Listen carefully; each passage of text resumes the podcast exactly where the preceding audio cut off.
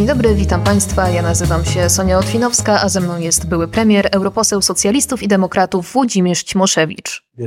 Się. Panie premierze, dwa dni temu, bo rozmawiamy w piątek, choć słuchacze wysłuchają tej rozmowy nieco później, Parlament Europejski przegłosował obszerny raport dotyczący zmian w traktatach unijnych. I zanim przyjdziemy do tego, co to faktycznie oznacza, to trzeba podkreślić, że rzadko kiedy głosowania w Parlamencie Europejskim budzą aż takie emocje. Bo w tle padają hasła o likwidacji państw narodowych, o byciu niemieckim landem, o samozagładzie Unii. Przeciwko raportowi, oprócz Prawa i Sprawiedliwości, ostatecznie zagłosowali również europosłowie Platformy Obywatelskiej i PSL-u, czyli generalnie większość polskich europosłów zagłosowało przeciwko. Pan zagłosował za. Dlaczego? Proszę pani, jak może pani wie, zajmowałem się polityką zagraniczną naszego państwa. Wspomniała pani, że byłem ministrem spraw zagranicznych. 20 lat temu reprezentowałem nasz kraj w tak zwanej konferencji międzyrządowej, która pracowała nad e, traktatem europejskim, tak zwanym traktatem ustanawiającym konstytucję dla Europy. Te zagadnienia prawne organizacji międzynarodowych Unii Europejskiej są mi bardzo dobrze znane, ponieważ zajmuję się nadal polityką międzynarodową, stosunkami międzynarodowymi. Śledzę pewnie uważniej niż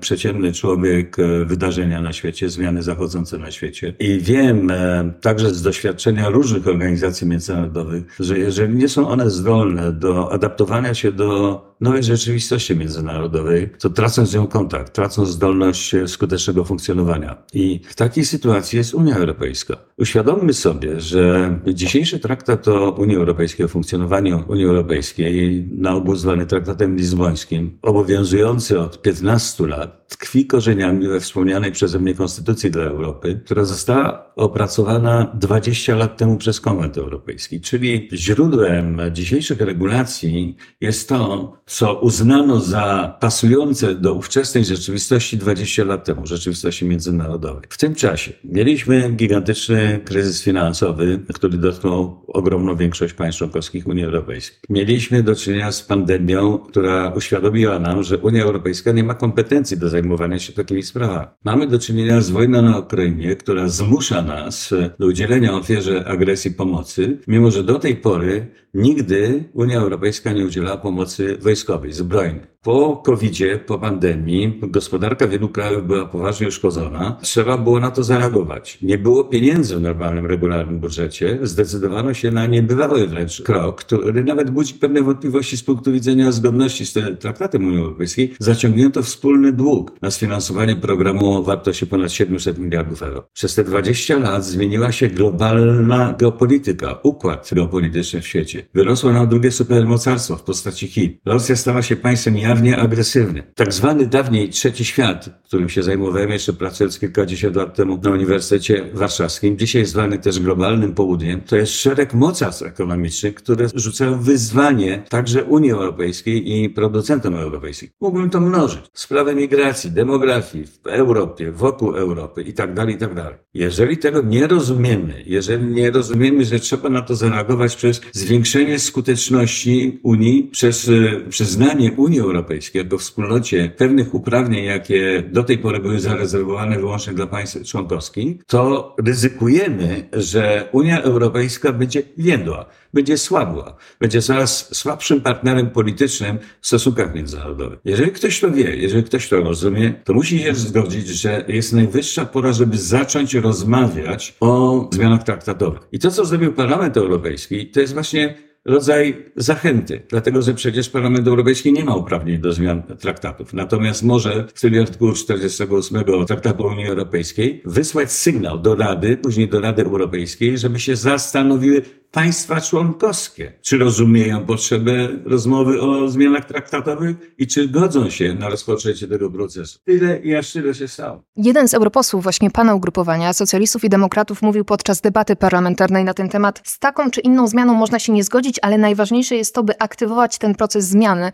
Rozumiem, że pan się z tym zgadza, że nie chodzi tyle o poparcie jeden do jeden dla każdej z ponad 200 zmian, ale o impuls do tego, żeby zacząć o tym rozmawiać. Proszę pani, jak pani wie, ten raport został opracowany przez e, pięcioro sprawozdawców. To się tak rzadko zdarza, że przez 4,5 roku, kiedy jestem w Parlamencie Europejskim, nie miało miejsca. Co najwyżej było dwóch, dwoje sprawozdawców jednego raportu. Oni reprezentowali pięć dużych grup w Parlamencie Europejskim. Przypomnijmy, że był przedstawiciel Partii Ludowej, EPP, był przedstawiciel socjalistów demokratów, był przedstawiciel Zielonych, był przedstawiciel Renew i był przedstawiciel Lewicy. Kiedy ja czasami teraz, nawet dosyć często, czytam takie komentarze, że lewactwo europejskie wystąpiło z taką inicjatywą, no to jest to kompromitująca bzdura. Europejska Partia Ludowa jest partią centrowo-konserwatywną, a nie żadną lewacką. Ale tutaj też, przepraszam, że wchodzę w słowo, Europejska Partia Ludowa w końcu się podzieliła.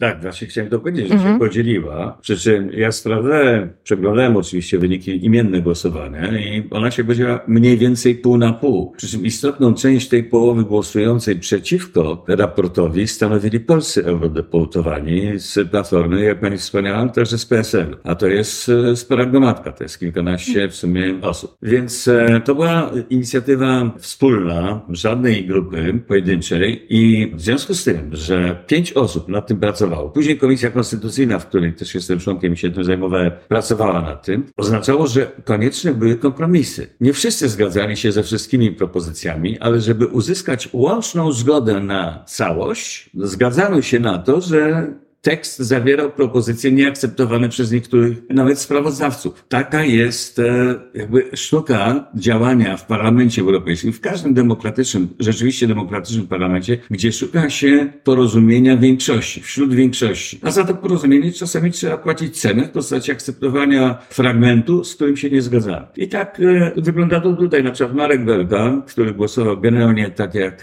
ja, będąc e, świetnym ekonomistą, finansistą i tak dalej, nie zagłosował za propozycjami dotyczącymi harmonizacji podatków. Ja głosowałem w sumie zgodnie z linią mojej grupy politycznej, w tym przypadku się różniliśmy, ale ja go całkowicie rozumiem, prawda? I uważam, że to też jest kwestia otwarta do, do dyskusji. 20 lat temu, czy prawie 20 lat temu, kiedy ówczesny kandydat na prezydenta Francji, Sarkozy, w swoim programie kampanijnym przedwyborczym ogłosił potrzebę harmonizacji podatku od osób prawnych, mówił wtedy, że fabryki z Francji są przenoszone na wschód, na przykład do Polski. Ja i ówczesne kierownictwo jakby naszego państwa nie zgadzaliśmy się, krytykowaliśmy Sarkozy'ego. Ale dzisiaj to Polska jest trochę w sytuacji ówczesnej Francji i jest dobry powód, żeby się nad tym zastanowić. Nie mówię, że akceptować, ale żeby porozmawiać także o tym takim bardzo już kontrowersyjnym projekcie. Natomiast dla mnie, jak powiadam, nie będę już powtarzał całego rozumowania, najważniejsze było zainicjowanie rozmowy i dla mnie bardzo ważne są niektóre z postulatów tam zawartych, między innymi dotyczące usprawnienia procesu decyzyjnego, czyli odejścia od zasady jednomyślności zwłaszcza w zakresie polityki zagranicznej i bezpieczeństwa. No i wokół tego właśnie jest najgłośniejsza debata, bo tych postulatów jest tak wiele, że niektóre nie przybiły się w ogóle do mediów, no bo to jest naprawdę gigantyczny projekt jak pan sam mówi, prawdopodobnie część z tych postulatów ma małe szanse na wejście w życie. Natomiast jeśli chodzi o to, żeby z tego weta zrezygnować w Radzie Unii Europejskiej, to dyskusja trwa cały czas. No i tutaj wraca ten argument. To osłabi, niezależnie od tego, że tam proponowane są inne ważenie głosów, tak, inny system ważenia głosów, trochę tak, żeby to był właśnie ukłon w stosunku do tych średnich mniejszych państw, ale wraca właśnie ten argument, że to niezależnie od tego osłabi ich pozycję. Proszę Pani, i znowu, tutaj pada oczywiście argument o utracie suwerenności, niezawisłości, o anihilacji państw narodowych i zniszczeniu tożsamości poszczególnych państw, społeczeństw, narodów europejskich itd. Tak po pierwsze, mówienie o niszczeniu suwerenności jest niezwykle bałamutne. I znowu, zajmując się prawem międzynarodowym, mogę powiedzieć coś, no, czego pewnie większość ludzi nie wie. W historii świata, w historii stosunków międzynarodowych był jeden taki jakby symboliczny moment, kiedy można było mówić o pełnej suwerenności państw. 1648, pokój westfalski. Wtedy powiedziano o uniezależnieniu państw europejskich od państwa kościelnego. I w tym jednym momencie, tak jak w przypadku wielkiego wybuchu, od którego zaczął się rozwój wszechświata, istniała przynajmniej teoretycznie pełna suwerenność. Potem była ograniczana. Dzisiaj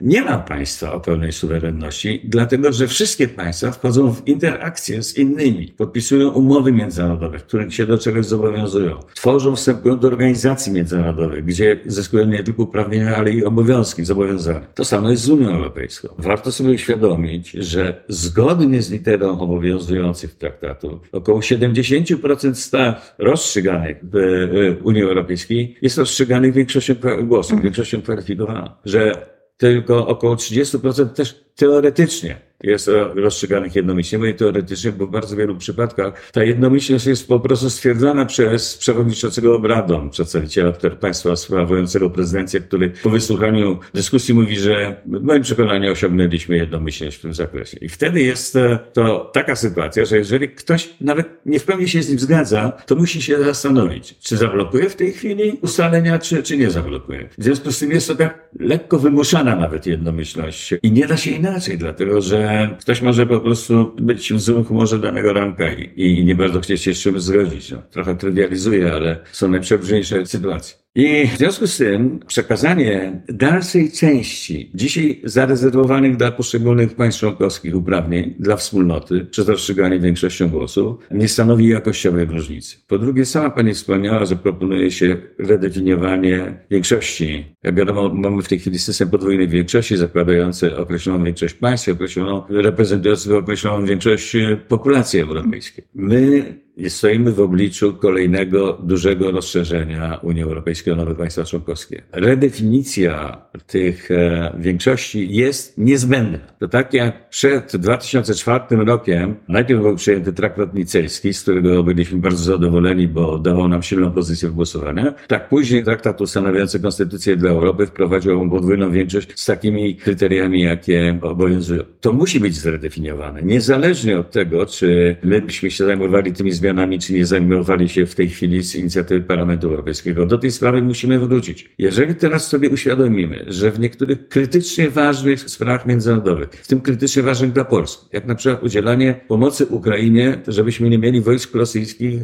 na naszej granicy wschodniej, jest, może być blokowane i jest realnie blokowane przez jednego człowieka i jedno państwo, przez Węgry Orbana, to powinniśmy sobie zdać sprawę z tego, że tak dalej nie można. Ponadto, wie Pani, gdyby dyskutowano o tym w ramach przyszłego konwentu czy konferencji międzyrządowej, to można znaleźć zupełnie nowe rozwiązania proceduralne. W organizacjach międzynarodowych znany jest taki system tak zwany konsens minus jeden, czyli jakby jednomyślność z wyłączeniem jednego państwa, które się nie zgadza. Na przykład państwa, którego dotyczą na przykład zarzuty. Gdyby to stosować wobec artykułu 7 Traktatu Unii Europejskiej, to wtedy państwo, które łamie fundamentalne zasady Unii Europejskiej, nie mogłoby zablokować e, podjęcia decyzji w jego sprawie. To jest taka sytuacja, gdybyśmy to przenieśli na grunt e, jakby doświadczeń wewnątrzkrajowych, z życia wewnątrzkrajowego, tak jakby oskarżony w sądzie mógł powiedzieć o sądowi, sędziemu, a ja się nie zgadzam z tym wyrokiem i nie będę go wykonywał. Taka jest w tej chwili sytuacja w Unii Europejskiej. Czy to jest do zaakceptowania? Moim zdaniem to budzi co najmniej ogromne wątpliwości. Czy te reformy instytucjonalne powinny być powiązane z poszerzeniem się wspólnoty? Bo Komisja Europejska twierdzi, że nie. To znaczy, powinniśmy działać na rzecz tego, żeby Ukraina i inne państwa były w stanie dołączyć, choć wiadomo, że tutaj jest masę wątpliwości i, i wyzwań wokół tego. No ale tutaj znów się powołam na słowa, to jest Gabriel Bischoff, czyli wiceprzewodnicząca państwa grupy. Ona podczas debaty mówiła, reformy i rozszerzenie to dwie strony tego samego medalu. One są ze sobą powiązane i mówi, wyobraźmy sobie, że niedługo będzie 35 krajów, które mogą zgłosić zgłosić weto 35 komisarzy, bo jest też postulat, żeby liczbę komisarzy ograniczyć, żeby nie każdy kraj miał swojego własnego komisarza. Jedna pani mówi prawdę i druga pani mówi prawdę wbrew pozorom. Dlatego, że jeżeli Ursula von der Leyen w imieniu komisji stwierdza, że te zmiany, o których mówi w tej chwili parlament,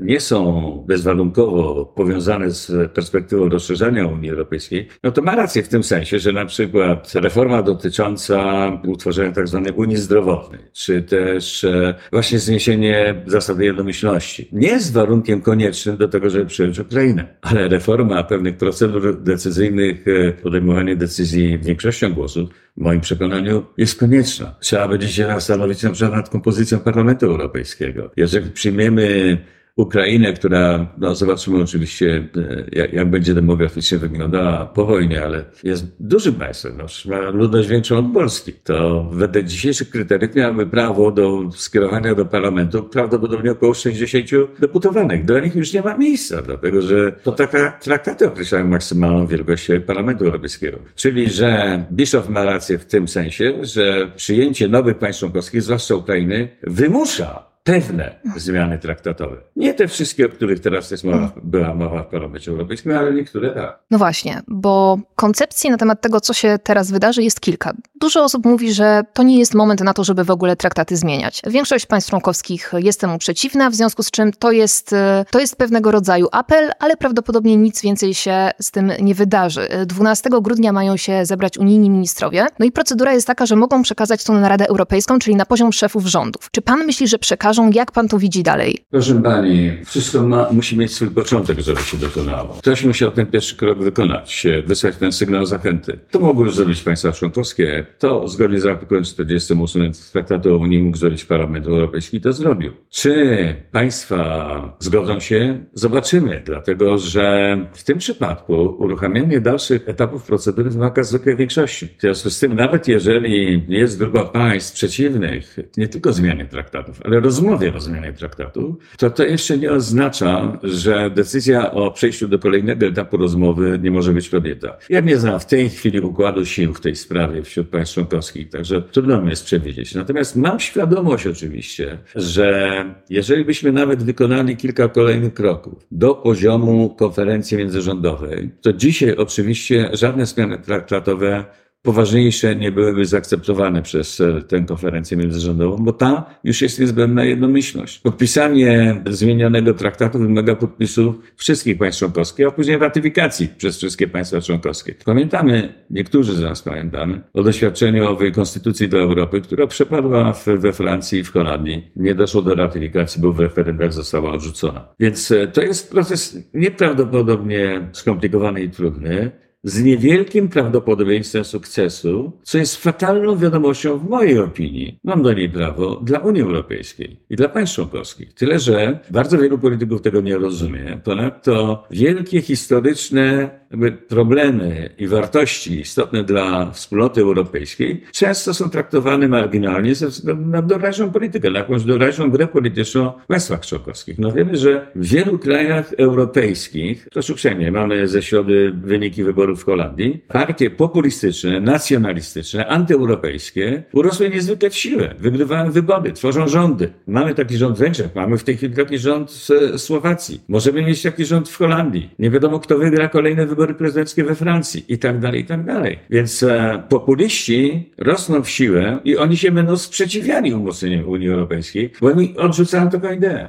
Czyli tutaj mocno upraszczam, ale albo bardziej scentralizowana Unia, bo to jednak na tym polega i, i tego też niektórzy się obawiają, i przez to silniejsza, geopolitycznie licząca się, albo raczej nie ma alternatywy. Tak pan to mniej więcej widzi. Nie zupełnie, powiem pani. Otóż y, ja osobiście uważam, że skuteczność, atrakcyjność Unii Europejskiej zależy także od jej elastyczności w tym organizacyjny. Uważam, że zdecydowanie bardziej powinno być wykorzystywane upoważnienie zawarte w traktacie lizbońskim do tak zwanej współpracy wzmocnionej. Czyli, że nie wszyscy członkowie Unii, ale grupy państw, które podzielają przekonanie, że potrzebna jest im bliższa współpraca w jakimś zakresie, powinny móc to robić i powinny to robić. Czyli Unia wielu prędkości. Tak, Unia wielu prędkości. Kiedyś baliśmy się Unii dwóch prędkości, bo byliśmy z, jakby z definicji skazani na drugą prędkość. Byliśmy nowicjuszem, byliśmy państwem słabszym gospodarczo, zdobywającym doświadczenie. Sam często występowałem przeciwko takiemu zagrożeniu Unią dwóch prędkości. W tej chwili to powinna być Unia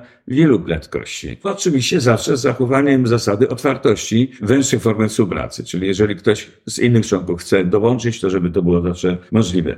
Ale jednocześnie nie chodzi o centralizm, nie chodzi o wzmocnienie uprawnień, o wzmocnienie integracji europejskiej. Więc e, jeżeli by to prowadziło do tego, że ktoś uznano za, za centralizację, przejście do większości kwalifikowanej jako formę podejmowania decyzji, no to pewnie, to pewnie tak. Chociaż moim zdaniem to trochę w naszym innym polega. Tu chyba bardziej chodzi o te kompetencje, prawda? Bo tak. jednak tych kompetencji przeniesionych będzie dość, dość sporo i tutaj te argumenty wybrzmiewają. No tak, przy czym znowu zobaczmy o jakie kompetencje chodzi no, na przykład w zakresie ochrony zdrowotnej. Trzeba być człowiekiem bezmyślnym, że po doświadczeniu covidowym nie rozumieć takiej konieczności. Chodzi o kompetencje dotyczące walki ze zmianami klimatycznymi, czy kompetencje dotyczące gwarantowania większej działalności na rzecz bioróżnorodności naszego środowiska naturalnego. To są rzeczy oczywiste, dlatego że chodzi o problemy przekraczające przekraczające granice państw, poszczególnych państw. I w związku z tym trzeba działać wspólnie. Do tego potrzebna jest aktywność instytucji europejskich. Europa wymaga naprawy w wielu miejscach, ale najgłupszą metodą będzie brnięcie w ten bardzo naiwny entuzjazm integracyjny, mówił niedawno szef Platformy Donald Tusk. Co pan myśli o takich słowach? Byłem bardzo zaskoczony tymi słowami. Oczywiście Donald Tusk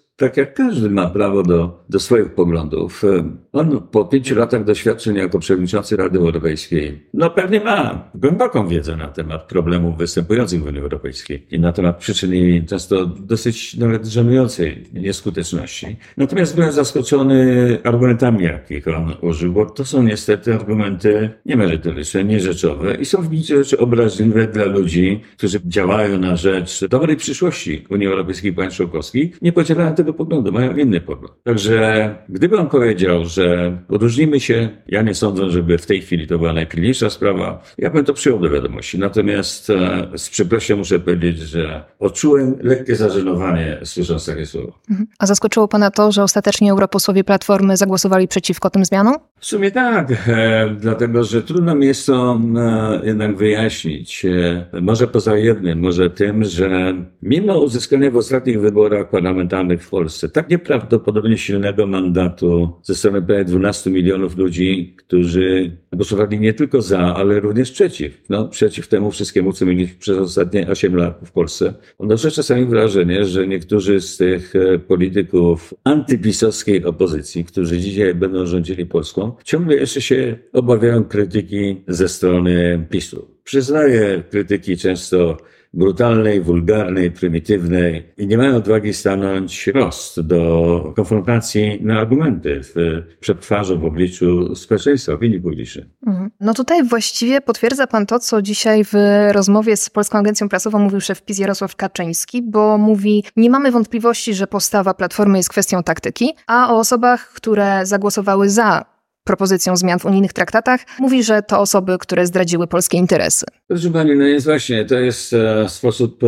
dyskutowania ze strony pana Kaczyńskiego, polityków PiSu i niestety ludzi otumanionych przez e, tę formację polityczną. Ja w ostatnich dwóch dniach usłyszałem setki razy, że jestem zdrajcą, że gałąź na mnie czeka i tak dalej, i tak dalej. To jest niezwykle wulgarna, prymitywna, brutalna, antydemokratyczna metoda jakby konkurencji politycznej. I za to ponosi odpowiedzialność w bardzo dużym stopniu osobiście pan Kaczyński. Jeżeli dojdzie do jakiejś tragedii, dlatego że kolejny wariat sięgnie po nóż czy inną broń, to Kaczyński będzie moralnym sprawcą tego, co się może wydarzyć. Niestety.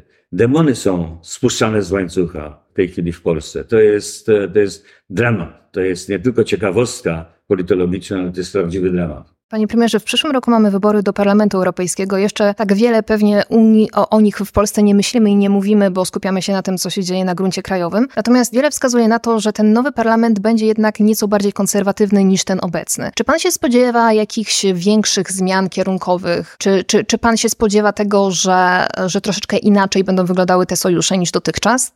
Pani, pamiętam, że przed wyborami 2019 roku panowało takie przekonanie, że parlamencie może się pojawić wręcz większość konserwatywno-prawicowych hmm. ugrupowań. Tak się nie stało. Te ugrupowania, które dominują, zresztą różnorodne. Przecież są mega różnice między lewicą a IPP w Parlamencie Europejskim. No jednak są proeuropejskie i, i jednak starają się dbać o dobre funkcjonowanie Unii, o o prawidłowe rozstrzyganie spraw, którymi się zajmujemy i tak dalej. Więc ja bym nie przesądzał w tej chwili jeszcze o wynikach e, wyborów, ale ponadto, gdyby nawet się dokonało jakieś przesunięcie w kierunku prawicy, w kierunku konserwatywnych sił, to nie będzie to, jak sądzę, rewolucyjne przesunięcie. W parlamencie jest, e, owszem, i tak, jak to właśnie było z głosowaniem nad tym raportem o zmianach traktatowych, że różnica między tymi za i tymi przeciw wynosiła 17 głosów, ale w ogromnej większości przypadków tak nie jest. Jest e, pewna większość parlamentarna, która dominuje